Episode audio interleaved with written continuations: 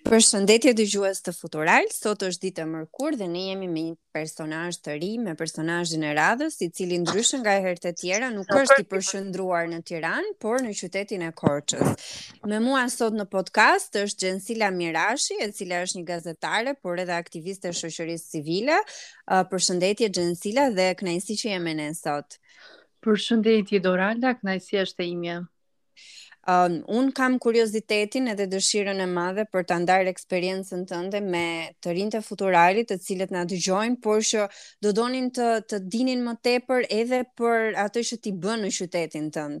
Unë paraprakisht të bëra prezantimin si gazetare dhe aktiviste e shoqërisë civile, po unë do doja që ti të na shpjegoje pak se si lidhen këto dy profesione, dy dy nisma me njëra tjetrën, pra gazetare dhe aktiviste dhe çfarë konkretisht Faleminderit Doralda.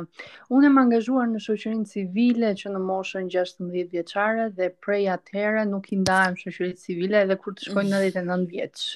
Do jem Pre, premtim ky. po, është premtim që ja kam bërë vetes sime në radhë uh -huh. sepse e shoh si një mision të rëndësishëm për të zhvilluar më tepër veten time, por dhe shoqërinë dhe për të lënë një kontribut në në shoqërinë ku unë bëj pjesë dhe të lë një gjurmë në jetën time. Mendoj që um, ky është një mision shumë i rëndësishëm për të cilin ja vlen të luftosh përgjatë gjithë jetës, për të advokuar, për të lobuar, për të drejtat e njeriut, për të drejtat e personave me nevoja të veçanta për të drejtat e të rinjve, fokusi ku unë jam përqëndruar më tepër. Se si lidhet me gazetarinë, ka qenë pasion i imi, më pas u bë profesion, unë kam studuar në Universitetin Fan Noli të Korçës, si fillim kam studuar bachelor uh, gjuhë shqipe dhe letërsi, më pas kam bërë master profesional në mësuesi për gjuhë shqipe, letërsi dhe arte. Uh, Mm -hmm. Përgjatë kohës që isha studente në master profesional, fillova punën në televizionin Lobi, një televizion lokal në qytetin e Korçës dhe punova si gazetare terreni aty dhe u dashurova dhe më tepër me këtë profesion. Aktualisht jam duke bërë master shkencor, media, kulturë dhe editim dhe jam në proces diplome. Kështu që zyrtarisht Jam një gazetare. Edhe me është është e vështirë për për të qenë një vajzë e cila merret me gazetarinë, sepse ti na shpjegove që uh, ke qenë gazetare terreni, ke punuar edhe në studio, po. uh, tashmë je angazhuar profesionalisht si e tillë. Uh, është a ka vështirësi ky profesion edhe a do ta sugjeroje ti për të rejat edhe të rinjtë e tjerë?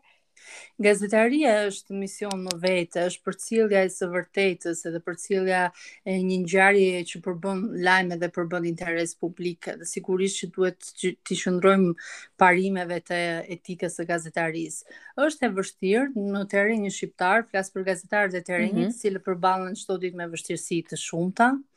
është e vështirë sepse kanë presione të ndryshme, dhe mund të hasin presione të mhm. ndryshme mm -hmm. për mos dhënien e së vërtetës, për mos raportimin e drejtë të një lajmi dhe uh, shpeshherë shohim gazetari e cila thjesht raporton, por nuk investigon mm -hmm. dhe duke u mbetur thjesht në kuadrin e një raportimi të cekët, sigurisht që misioni i gazetarit nuk është kryer. E drejtë. Po, ne mendojmë që duhet patjetër, ne kur them ne kam fjalën për gjithë komunitetin e gazetarve nga biseda që bëj dhe me kolegët, është shumë shumë e rëndësishme investigimi dhe për ta shpënë deri në fund atë çështje që një gazetar e ka kapur si problematikë. Ndryshe nuk është kryer misioni. Okay. Unë jua rekomandoj të gjithë atyre të rinjve të cilët vërtet e kanë pasion dhe e kanë me dëshirë për ta bërë, nëse ata vërtet do të ndihen komod dhe do të ndihen që uh, nuk është vetëm një dëshirë për të dalë në media apo për t'u promovuar në media, por është një dëshirë shumë e madhe për të raportuar të vërtetën dhe për t'i shpënë gjërat ashtu siç duhet dhe për të qenë gjithmonë pranë publikut. Xhensila ti ke punuar me të rinjtë, sepse ti je punonjëse rinore dhe po. sigurisht i njeh shumë mirë edhe çështjet rinore. Uh, ku po. fokusohet po. puna jote kur flasim tek të rinjtë dhe çfarë evidenton ti si uh, pozitive ndoshta edhe negative në në një anë tjetër tek ata? Puna rinore është një dashuri më vete. Unë e kam dashuruar që në vitin 2015, kur jam bërë pjesë e internshipit tek Ministria e Mirëqenies Sociale dhe Rinisë që ka qënë atëherë, mm -hmm. unë mhm. kam aplikuar, kam fituar internshipin te drejtoria e koordinimit politikave rinore, edhe kam pasur fatin e mirë të njihem me njerëz shumë të mirë aty, mentorja ime ka qënë uh, Jehona Roka, specialiste mm. aty dhe uh, ka qenë një shkollë më vete për mua, çështjet rinore, pavarësisht se unë i kisha prekur deri diku me aktivitete në shoqërinë civile, shoqërinë po, civile. Po, por tjetër gjë ishte në momentin që ti ulesh në atë zyrë ku hartohen politikat kombëtare rinore. Dhe sigurisht që u dashurova shumë me këtë gjë, u përpoqa shumë që të krijoja më tepër kontakte me organizata të ndryshme që ishin kryesisht me bazë në Tiranë dhe sigurisht që ishin kombëtare me qëllimin që ato të lidhnin më pas kontaktet me mua dhe unë nëpërmjet qendrës rinore që ka që ka qenë në Korçë të zhvillojmë aktivitete të ndryshme të cilat i ndihmojnë të rinjtë në zhvillimin e tyre personal dhe profesional. E kuptoj. A ke a ke vënë re ndonjë diferencë midis asaj që ti mësove gjatë internshipit dhe asaj që ti takon në terren? Pra kur ti bisedon, punon edhe kontribuon për të rinjtë. E kuptoj. Në fakt, politikat bëhen mirë në qoftë se merren sugjerime nga, nga terreni. Në qoftë se mm -hmm. nuk pyeten grupet e interesit, ose nuk pyeten aq sa duhet, sepse ndonjëherë ndodh që pyeten sa për të pyetur, sa për të thënë që po, pra, i pyet për të bërë si procedurë, sigurisht. Si procedurë, por realisht politika shumë të mira hartohen në rast se dëgjohet zëri i të rinjve. Për shembull ligji për rininë ishte një domosdoshmëri edhe u realizua, tashmë kemi një ligj për rininë ashtu si dhe vendet e tjera. ligji i vullnetarizmit ende nuk po gjen zbatim aq sa duhet, edhe ai është një ligj shumë mirë është i hartuar. Po. po, që mund të jetë deri diku mirë i hartuar, por ende shumë pak i zbatuar edhe mm -hmm. megjithëse ka nisma nga shoqëria civile për ta pasur vullnetarizmin në një nivel tjetër dhe për të qenë të gjitha më pak të të formalizuara, pra një i ri i cili kryen vullnetarizëm, vërtet t'i njihet ajo punë vullnetare që po bën dhe të për të, të shërbejë si stimul patjetër. Po. Jo vetëm si stimul, por t'i shërbejë atij vërtet në në jetën e tij, përveç marrjes së njohurive, mm -hmm. të cilat ai zbaton nëpërmjet aktiviteteve të ndryshme, ai të ketë vlerësimin si moral, por edhe pjesën e njohjes së kontributit të tij të orëve vullnetare që ka bërë në komunitet apo në një organizatë të caktuar. E kuptoj. Uh, meqë po flasim për Korçën edhe ti uh, profesionin tënd aty je duke duke e zbatuar edhe besoj që do kontribuosh edhe në vazhdim për këtë gjë. Uh, a je në në gjendje të bësh një uh, diferencë apo të mënjanosh diçka që ti e shikon si të mangët, pra sikur të rinjtë e, e Korçës kanë nevojë për për disa gjëra. Dhe cilat mund të jenë ato? Domethënë çfarë ju mungon të rinjve aty? Uh, rinia shqiptare në përgjithësi e shikoj uh, pak të çorientuar, qoftë në orientimet profesionale, por dhe në ato personale. I shoh të dy fu, të me me dy mendje, domethënë, mm -hmm, të, të dyzuar, po. po. I shoh të dyzuar, të rri apo të iki. Është mm -hmm. Pyetja e parë që i bëjmë vetes, të rrimë në Shqipëri apo të largohemi jashtë Shqipërisë? Të studioj në Shqipëri apo të të shkoj të studioj jashtë, po, për të studiuar. Pyetja tjetër që i bëjmë vetes është cili është profesioni që mua më përket ose mua më përshtatet ose cili është profesioni që unë mund të fitoj më shumë para. Mhm. Mm dhe nuk kanë një një orientim të mirë karriere, dhe njëkohësisht kanë përballjen me realitetin që shpesh është i ashpër, që ndonjëherë i detyron ata të largohen jashtë Shqipërisë edhe të marrin vendime për të studiuar jashtë, për të punuar jashtë dhe për pse jo dhe të krijojnë dhe jetën e tyre jashtë. Domethënë janë mm -hmm. statistikat tregojnë që janë shumë të pakët personat uh, studentë që mbarojnë jashtë dhe kthehen në Shqipëri. Përsëri. E drejtë. Uh, një çështje që mua më pëlqen në fakt ta ta diskutoj edhe me ty dhe besoj edhe dëgjuesit e Futural është uh, bullizmi online. Domethënë, po, uh, çfarë uh, ke arritur ti të kuptosh dhe cilat janë problematikat e e bullizmit, po kryesisht kur ai bëhet online ku ti uh, prindrit apo kushdo tjetër nuk ka kontroll mbi atë që ndodh. Dhe pastaj pasojat janë akoma dhe më të rënda sepse ti nuk di si të parandalosh. Si e shikon ti këtë raport? Ky është një fenomen shumë i përhapur në ditët e sotme në të gjithë botën për shkak edhe të zhvillimit të teknologjisë, por ndonjëherë edhe përdorimit pa kriter të saj nga të rinjt, jo vetëm grupmosha 15-29 vjeç, por edhe më të vegjël shohim fëmijë që mbajnë në duar telefonat mbase të prindërve ose ndonjëherë edhe të vetit dhe përdoren pa pa kontroll dhe pa kriter dhe sigurisht ndonjëherë ë uh, për nga shkaqe të ndryshme ne shohim që kryesisht neglizhenca që mund të kenë ndonjëherë prindrit apo mosmarrja e informacionit në kohë, mosditja se si të raportojnë një problematikë të caktuar, ata bien pre bulizmit, por mm -hmm. ndonjëherë bien pre e abuzimeve uh, seksuale me persona që kanë njohur nga interneti dhe ky është një problem shumë shumë i madh i cili duhet të diskutohet dhe duhet të parashtrohet akoma më tepër. Sigurisht që ka nisma për ndërgjegjësimin e të rinjve, fëmijëve, prindërve, por ende është jo mjaftueshëm. Duhet akoma më tepër që ne të ngremë zërin dhe të themi që duhet patjetër një edukim mediatik, edhe një edukim mediatik, jo vetëm për mbrojtjen kundër bulizmit, edhe sulmeve të ndryshme kibernetike, por duhet mhm. edhe një edukim mediatik shumë i mirë për të njohur faktet nga uh, informacionet që janë fake, që nuk janë të vërteta. Dhe kjo uh, duhet bëhet urgjentisht. Madje unë mendoj se edukimi mediatik duhet të fillojë qysh herët në shkollat e arsimit të mesëm të ulët. Domethënë që në mhm. klasë 6 e lart duhet patjetër të jetë pjesë, sepse teknologjia në ditët e sotme dhe mediat sociale që kanë marrë një fuqizim kaq të madh, duhet patjetër që të gjithë të informohemi mirë se si të vërtetojmë faktet nga ato që janë informacione të rreme. Xhensila, po në rastin kur uh, prindërit dyshojnë se fëmija e tyre bëhet pre e bullizmit online, a ka një sinjalizues që është universal, domethënë, një shenjë me të cilën një prind mund të orientohet se fëmija ka probleme nga komunikimi online? Uh, unë nuk jam psikologe, por nga bisedat që kemi zhvilluar me mhm. psikologë të ndryshëm, vihet re shumë mirë sjellja e një fëmije dhe cili është ai person që e dallon më mirë fëmijën apo të rinë, sesa prindi, sigurisht.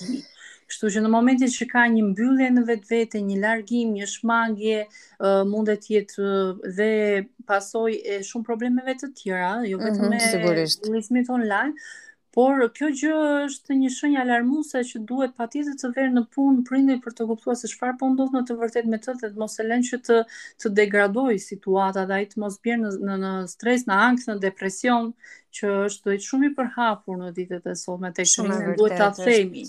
Është duhet ta themi dhe duhet ta pranojmë. Duhet të merren masa për këtë gjë se nuk nuk është një fenomen që edhe në botë nuk ndodh, absolutisht po. duhet ta pranojmë edhe të të aktivizohemi të gjithë për të bërë atë sensibilizimin qoftë mediatik, po edhe duke folur me me fëmijën apo edhe me njëri tjetrin. Por një po. çështje tjetër që uh, ti e bën me pasion, po mm -hmm. në të njëjtën mënyrë si si të gjitha çështjet që parafolëm, është edhe fakti që ti je aktiviste e të drejtave të personave me aftësi të kufizuara, pra me aftësi po. ndryshe. Po.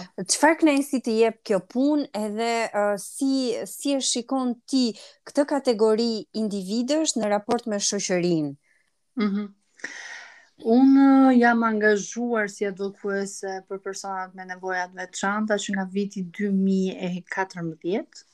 Uh, përpara këtij viti nuk kisha dëgjuar shumë për, për, për këtë target group. Mm -hmm. um, jam njohur me një vajzë që quhet Elizabeta, me një vajzë të vogël, dhe nga ajo ditë që unë jam njohur me Elisabetën, kam folur me të, kam qëndruar me të, uh, nuk e di, ndjeva diçka që ndodhi brenda meje. Ka qenë diçka që Elisabeta ka qenë diçka e brendshme që unë s'e apo... kuptoj dot. Uh, unë ka, uh, kam bërë një premtim Elisabetës i kam thënë um, pasi kam qëndruar disa momente me të, më ka thënë që a do të vish prap? Mhm. Dhe unë i kam thënë po, do të vij. Dhe në atë moment që i kam dhënë këtë premtim Elisabetës, ndjeva që brenda meje diçka ndryshoi dhe nuk ishte më e njëjtë.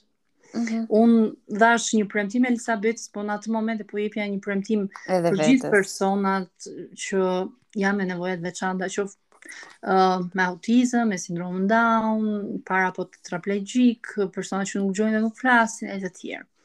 Dhe ia premtova Elisabetës, ia premtova vetes dhe bëra dhe një premtim kundrejt personave që janë ndryshe dhe sa mirë që janë ndryshe në fakt sepse bota mm -hmm. nuk mhm. do ishte e bukur nëse ne nuk do ishim të gjithë ndryshe ne të gjithë jemi ndryshe nuk ka dy njerëz shumë e vërtet ne jemi të gjithë unik dhe nuk ka të dytë si ne kështu që Më pas, angazhimi im ka vijuar dhe vazhdon edhe sot e kësaj dite. Unë sot jam duke mësuar në mënyrë autodidakte me ndihmën e komunitetit të të rinjve që nuk dëgjojnë dhe nuk flasin në Korçë mm -hmm. gjuhën e shenjave shqip. Dhe është vërtet një kënaqësi shumë e veçantë për mua për të ndihmuar dhe për t'u ardhur në ndihmë këtij komuniteti me aq mundësi sa kam unë për po, t'ju ofruar informacion. Po besoj është edhe një eksperiencë shumë pozitive për veten. Pra ti po mëson një gjuhë e cila të ndihmon të të të po, komunikosh me komunikimi. Sigurisht.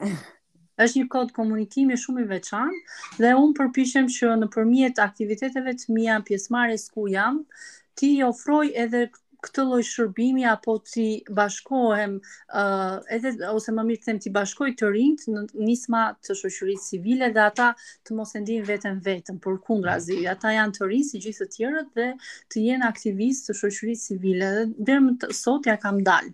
Dhe ky është kontributi më i bukur që ti mund të bësh për veten edhe edhe për për dhe falë mbështetjes së tyre, sepse kam shumë miq të mirë, kam uh -huh. shumë miq të mirë nga gjithë komuniteti persona me nevoja të veçanta, por kryesisht të rinj që nuk dëgjojnë dhe nuk flasin në qarkun e Korçës janë nuk e di, janë dashuri më vete. Xhensila, çfarë të ka mësuar ty uh, të qenit aktiviste e shoqërisë civile? Uh, të ka ndihmuar të ndryshosh diçka te vetja, sepse ti ke kohë që merresh me këtë gjë. Dhe e vëren diferencën kur flet apo bisedon me njerëz që nuk janë pjesë e shoqërisë civile.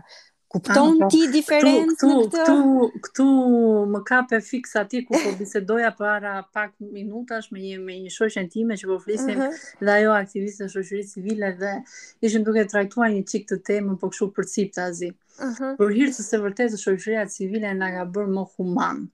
Uh mhm. -huh. Edhe më empatikë. I shohim gjërat pak më thellë. Nuk shikojmë sipërfaqen. Na pëlqen e bukura të gjithëve, edhe e shijojmë atë pjesën sipërfaqësore, por ne depërtojmë me syrin tonë më thellë, ne jemi bërë vërtet depërtues të të të të thellësive dhe për të parë gjërat se si qëndrojnë në të vërtetë nga rrënjët. Dhe në këtë moment ne fillojmë domethënë të shohim gjërat pak më ndryshe dhe jemi më empatikë. Edhe ti e di këtë, se je edhe vetë. Sigurisht. Po jemi më empatikë. Jemi më empatikë dhe përpiqemi që të të të ndiejmë dhimbjen e tjetrit ose të ndiejmë edhe gëzimin e tjetrit, të futemi në lëkurën e tjetrit. Shumë e drejtë. A ke ti një mesazh për të rinjtë e Korçës, fillimisht, po edhe pastaj të të rinjtë e gjithë Shqipërisë kur dëgjojnë edhe mësojnë nga nga shembujt e tu. A ke ti një mesazh, a ke ti një moto që dëshiron që t'i motivosh ata të mm -hmm. paktën të bëjnë gjënë që duan më tepër?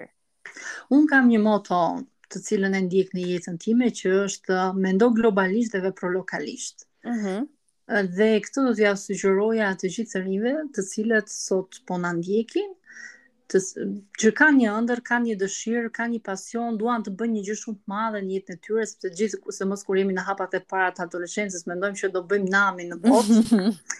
Sigurisht. Por le ta nisim nga aty ku jemi, me ato gjëra që kemi, me ata njerëz që na rrethojnë dhe do të shohim që hapat do të shkojnë drejt zhvillimit edhe drejt përmirësimit qoftë të jetës sonë dhe të jetës së të tjerëve. Uh, shumë e drejtë. Edhe mesazhi më i bukur kur kur e mendon fillimi fillimisht ndryshimi vjen nga vetja. Pasi po, pasi punojmë me veten, pastaj mund e kemi më të thjeshtë për të punuar edhe me me grupet. Po, çfarë bën Gjensila gjatë kohës të lirë? Se unë e di që ti nuk doje të kaloje 19 minutën, po unë dua të kuptoj që çfarë bën një vajzë që punon kaq shumë dhe është e angazhuar kaq shumë për të bërë më të mirën uh, për veten, por edhe për të tjerët. Ok, atëherë unë po ndaj dhe një dy pasione të mia të tjera. Sigurisht, mendove se do shpëtoje. jo, nuk shpëton. Jo. Ta kam premtuar që do jem shumë e drejtpërdrejtë dhe shumë e sinqertë. Um, unë kam shkruar poezi shumë herët. Madje kur kam qenë fëmijë kam shkruar poezi, domethënë vjersha. Mm -hmm. Edhe vjershën time të parë e kam shkruar kur kam qenë klasë të tretë, mbaj mend. Edhe e mban mend cila është ajo? ka qenë për natyrën dhe mm -hmm. e di që vargu i fundit është natyra më frymëzon, domethënë. Sigurisht. uh, më pas kam shkruar, por uh, nuk bëj pjesë te ata po themi mm, shkrimtarë ose poetë që shkruajnë pa fund dhe botojnë libra. Unë sot ende sot e kësaj dite nuk e kam botuar një libër pavarësisht se do ta botosh, e ke menduar ta botosh? Unë kam marrë pjesë nëpër konkurse të ndryshme letrare, kryesisht me poezi dhe të gjithë mm, personat të cilët kanë qenë në, në juri apo uh, poetë të afirmuar, më kanë thënë kur do ta botosh mm -hmm. librin tënd të parë jemi në pritje. Dhe unë i kam thënë, unë jam me parimin e Lasgush Poradecit, më mirë një libër në jetë dhe dhe arti ka vetëm një klasë, atë të parën ka thënë Lasgush Poradeci. Kështu që tani ne duhet të presim atë librin që është një herë në jetë. nuk e dim sa do presim, nuk e di, por... nuk e di, nuk e di, nuk e di realisht. Unë kam shumë dëshirë që të kem në duart e mia uh, fëmijën tim sepse kështu është krijimi mm, është një lloj krijimi është vërtet si një fëmijë që lind nga nga shpirti i një njeriu, por realisht nuk e di se kur mund ta kem. Dhe unë shkruaj, por shkruaj rrallë vetëm kur më kap frymëzimi mm -hmm. dhe mund të jem në në momente duke më kapur gjumi dhe më ka ardhur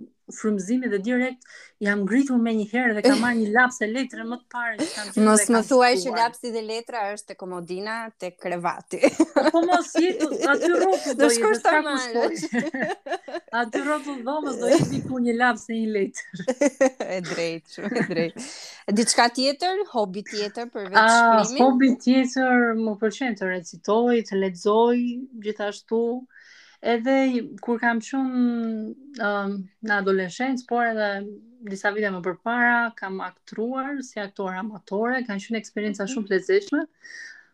Kam uh, bashkëpunuar me regjisorë si Dimitër Orgocka, i ndjeri, Perika mm. Gjezi, Shkëlqim Jaupi dhe madje kam qenë dhe në festivalin Europian të Teatrit të Kuklave në Pogradec, kur ah, zhvillohej. Është interesante.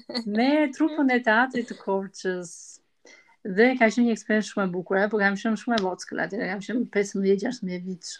Okej, okay, atëherë nuk jemi njohur. jo. Por s'ka më mirë se sa të njihemi tani edhe të të, të marrim vesh akoma edhe më tepër arritje për njerëz të cilët investojnë tek vetja. Ë uh, Xhensila ne jemi në fund të podcastit edhe unë të falenderoj jashtë mase për kohën edhe për të gjitha temat që ne folëm edhe ndamë me njëra tjetrën, po jo vetëm, sepse dëgjuesit e Futural do dinë ta vlerësojnë atë që atë mesazh që u jepet me zemër edhe me me eksperiencë personale. Unë të falenderoj shumë.